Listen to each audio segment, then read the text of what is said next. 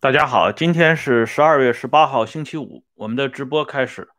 今天呢，我们延续昨天没有讲完的话题，来继续看一下刘少奇身上又发生了一件什么样的事情，呃，引起伟大领袖的不高兴。这是邓丽群晚年回忆的事情，来自于邓丽群自述。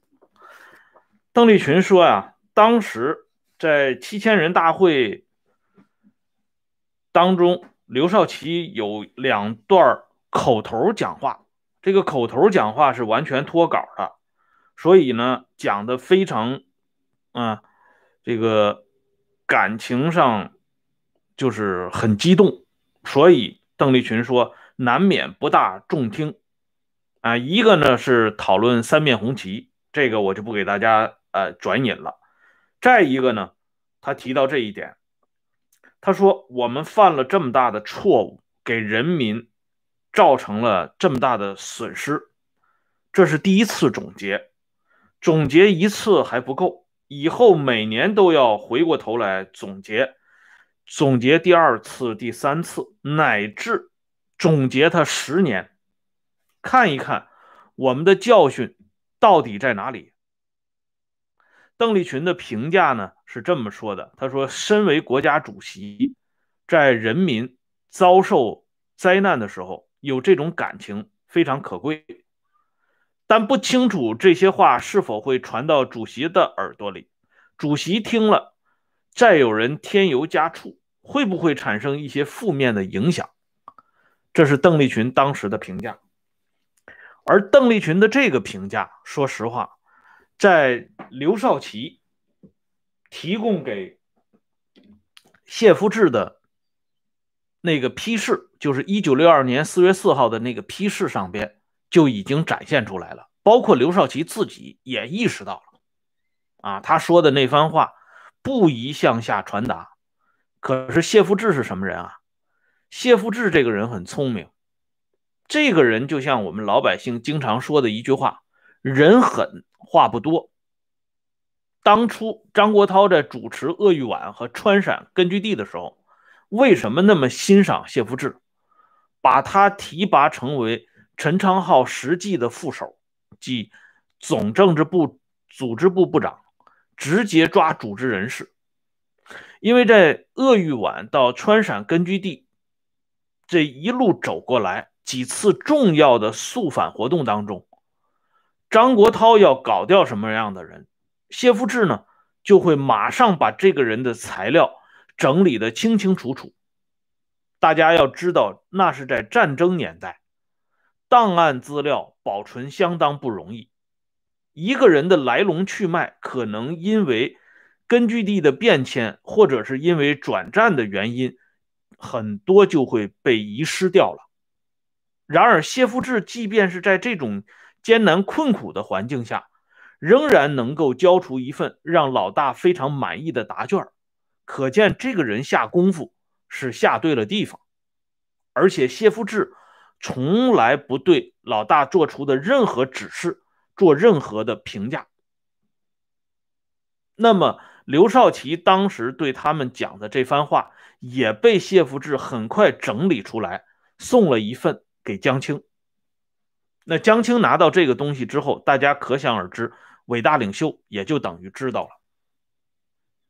而通过这些种种事例表明，刘少奇这个离了伟大领袖预定的革命轨道。那么，既然已经偏离了，就要想办法进行处置。首先想到的，就是刘少奇在三十年代啊，上个世纪三十年代、四十年代中间关系一度很密切的。吕振宇这个人是一个历史学家，曾经担任过东北人民大学校长，就是今天的吉林大学校长。昨天我的节目里边已经讲过，吕振宇、简伯赞、侯外庐都是周恩来发展的在大后方学者当中的中坚骨干力量。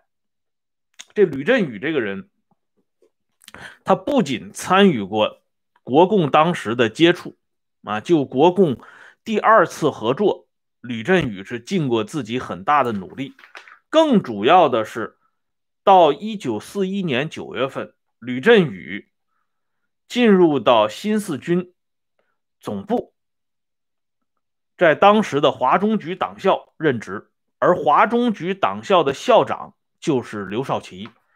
更主要的是，一九四二年三月到十二月，十个月的时间，刘少奇带着吕振宇从苏北出发。在年底终于到达延安，这一段长途跋涉，刘少奇和吕振宇两个人建立了深厚的个人感情。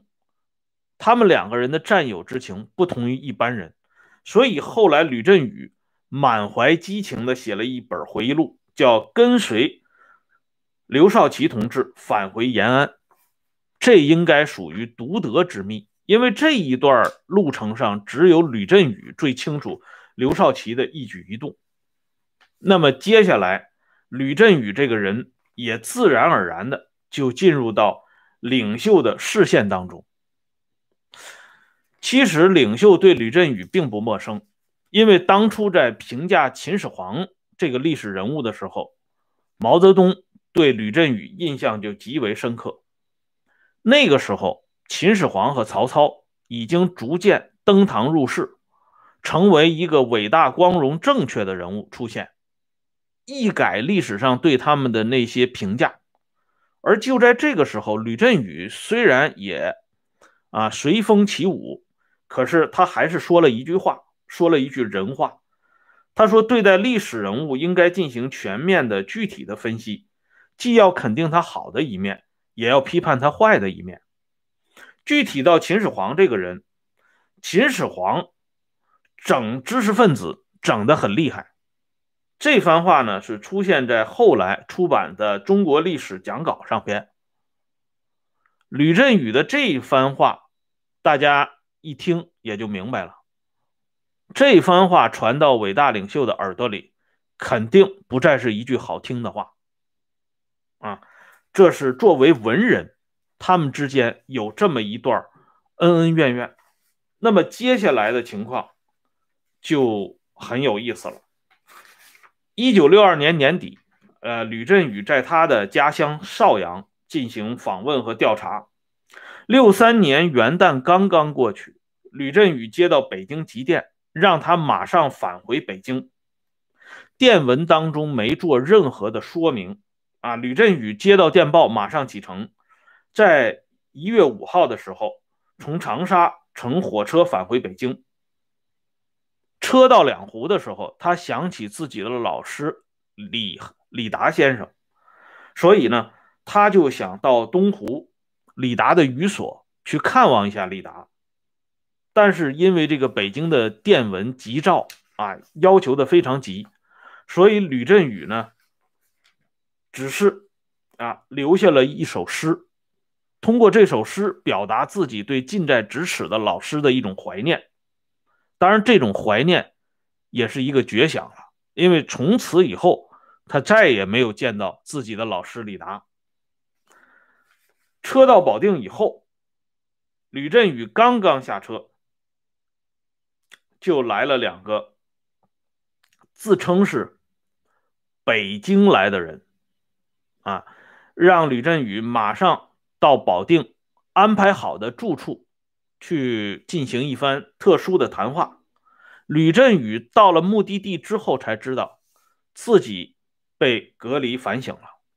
而这几个自称是北京来的人，其实是谢夫治用从这个公安部抽调出来的精兵强将，专门来看押吕振宇的。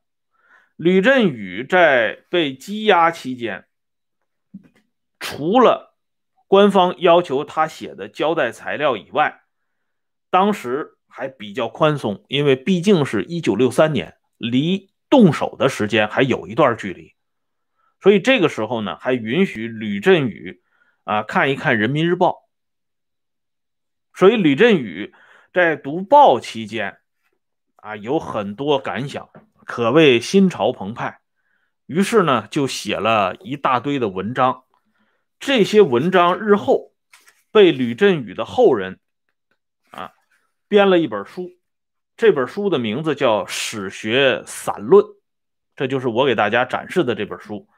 我手里拿的这本书呢，还有吕振宇的老伴儿啊江明的题签啊，江明的这个字呢写的还是挺漂亮的啊。抓李振呃抓这个吕振宇不是关键的。关键在于要从吕振宇的口中挖出不利于刘少奇的材料，而且对于吕振宇这个人，毛泽东心里是有数的啊。正如后来邓小平所说的，整到什么程度，他还是啊有分寸的。吕振宇这个人，毛泽东不希望他死掉，要留着他，因为他能写文章，还有用。果然，到了一九七五年的时候，在反击周恩来的时候，有人又找到吕振宇了，说：“你还能写文章吗？啊，你最好写一下，啊，歌颂法家的文章啊，批判孔夫子的文章，这样对你是有好处的。”这吕振宇关到一九七五年的时候，基本上也是关明白了，所以他。只回答了一句话，他说：“我向来对孔子是两点论，对秦始皇也是两点论。”就这一句话，把路呢封死了。所以上边就明白，这吕振宇是属于花岗岩的脑袋，啊，石骨不化。从吕振宇的这个例子里边，我们就可以看到今天题目里边要提到的一个人——邓丽群。今天这个题目叫林彪和邓丽群都有当龙头大哥的潜质，这个话也是从吕振宇这笔啊提到的。刘少奇身边有两个秘书，非常值得一提，一个是这个在延安时期担任学习秘书的吕振宇，一个是后来给刘少奇当过短期的理论秘书的邓丽群。这两个人不管在历史上啊做过什么样的活动，包括今天大家对他有什么样的评价，但这两个人共同的特点就是骨头够硬。当龙头大哥，首先一点就是骨头要够硬，否则的话，那没人跟你了啊，自己先瘫下去了，那底下人还怎么替你这个奔忙呢？在抓捕吕振宇，包括后来。抓捕邓丽群，邓丽群从桂林给押回北京。邓丽群自己的回忆里讲的很明确，上台被人家打得很厉害，有的人直接啊从他的脑后下手，啊打的他几天都觉得还疼。就这种情况下，邓丽群没有说过一句否定刘少奇的话，没有提供过一个。不实的材料，啊，吕振宇也一样，从一九六三年一直关押到他最后被释放出来，他没有提供任何给刘少奇泼脏水的东西。这两个人在文化大革命当中，至于刘少奇专案的表现是凤毛麟角，啊，别看后来大家对邓丽群这个人普遍非常反感，啊，但是历史。就是这样，就像吕振宇刚才所表达的那个意思是一样的。一个人好的一面要肯定，坏的一面要批判。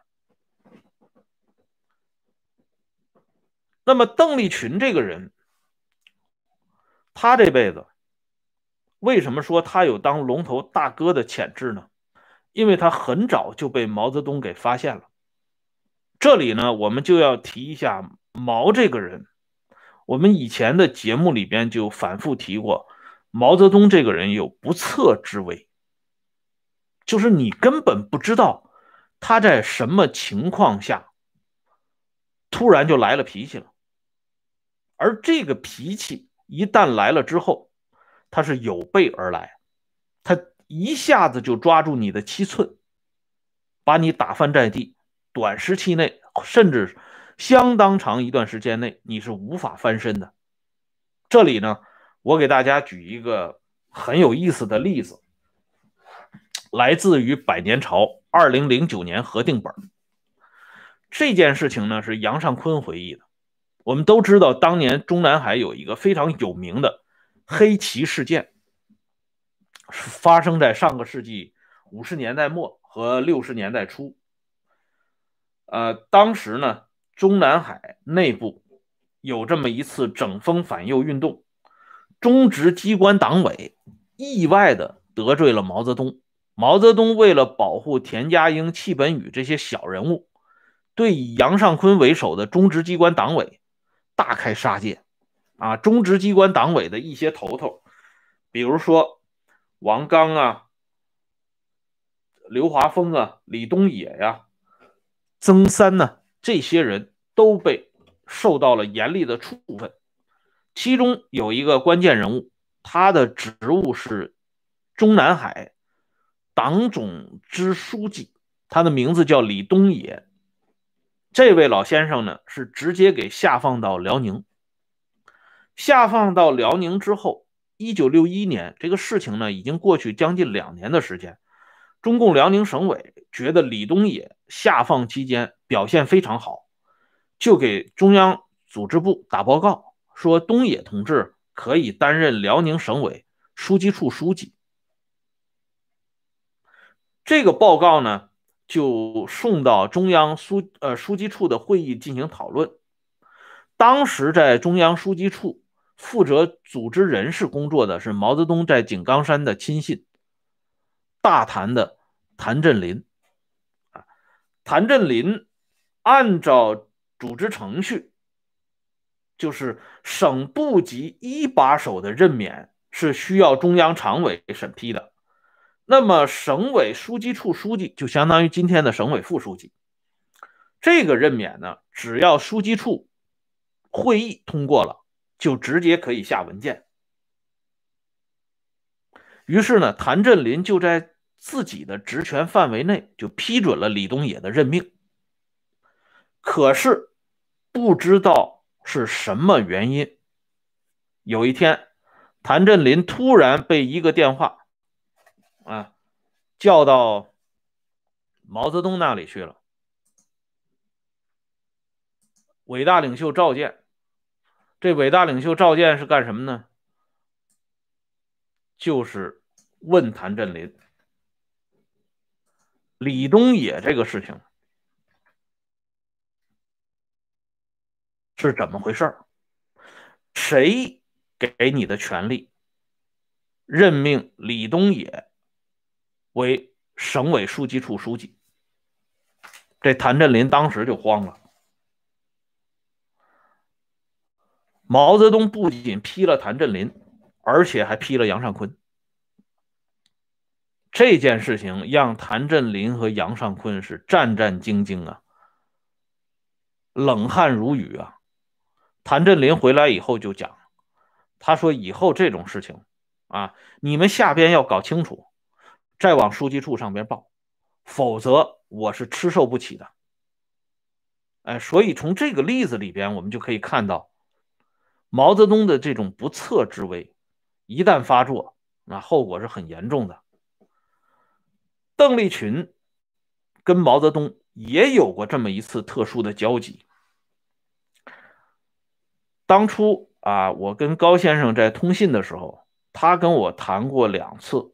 关于他对邓丽群的了解，他就跟我详细说过。他说邓丽群这个人，他不光骨头硬，他这个人脾气还大。啊，党内高层能在邓丽群眼中的只有一个人，就是毛泽东，甚至连邓小平都不在邓丽群的眼中。邓丽群这一辈子，要说邓丽群怕过谁？那就怕过毛泽东，别人你包括邓小平、陈云、李先念他们，你别看邓丽群在回忆录里边对这些人进行了无限的讴歌和赞美，其实他心里边没把这几个人当回事儿。哎，所以在八十年代后期，一直以来就有一种传闻，就是说邓丽群要接班，要当这个总秘书，这不是空穴来风。这龙头大哥的位置一直在向邓丽群招手。邓丽群为什么这么怕毛泽东啊？你不是龙头大哥的潜质吗？因为他跟毛泽东有一次非非比寻常的交接，这一次交接，伟大领袖差点要了邓丽群的脑袋。那这个事情是怎么一个来龙去脉呢？咱们明天接着说。感谢朋友们上来收看啊！我下边呢把这个温相说时政会员频道给大家发一下。感兴趣的朋友呢，可以随时加入。我们呢，每天都有更新。